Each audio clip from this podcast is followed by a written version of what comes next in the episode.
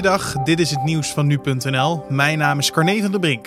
De helft van de patiënten die de afgelopen jaren op een long-stay-afdeling van een TBS-kliniek terecht is gekomen, komt uiteindelijk in een minder beveiligde zorginstelling terecht.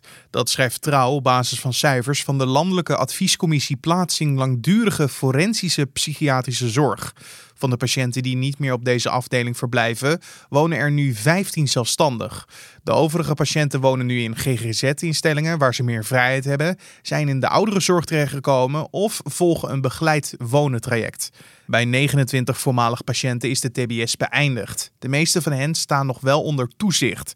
De afgelopen jaren is het zes keer voorgekomen dat een TBS'er die de long-stay-afdeling had verlaten, later toch terugkeerde. Het aantal doden in Iran als gevolg van het coronavirus is bijna drie keer zo groot als de Iraanse regering beweert. Dat meldt BBC News, die onderzoek deed na een datalek. Uit de gegevens van de Iraanse regering blijkt dat er tot 20 juli ruim 40.000 Iraniërs waren overleden aan de gevolgen van het virus.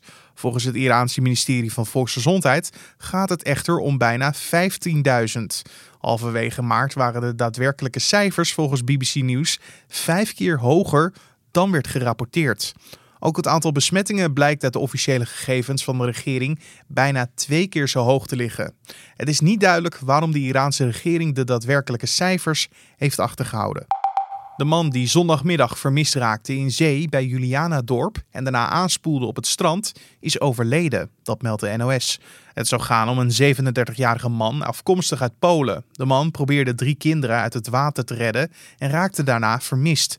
De drie kinderen werden wel in veiligheid gebracht. De Koninklijke Nederlandse Reddingsmaatschappij zei in gesprek met NA Nieuws dat de drie kinderen in een zogenoemde muisstroom waren terechtgekomen. Dat is een stroming richting open zee. 27 oppositiepartijen in Venezuela hebben in een gezamenlijk manifest aangekondigd de parlementsverkiezingen in december te boycotten. Dat doen ze als verzet tegen de dictatoriale strategie van de Socialistische Partij van president Nicolás Maduro.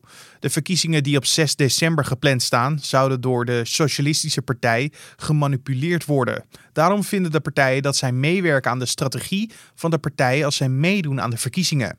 In 2018 werd de herverkiezing van Maduro om dezelfde reden ook al geboycott. Na de verkiezingen wierp Juan Guaido zich op als interim-president. De boycott kan ertoe leiden dat de oppositiepartijen hun meerderheid in de nationale vergadering verliezen. En tot zover de nieuwsupdate van nu.nl.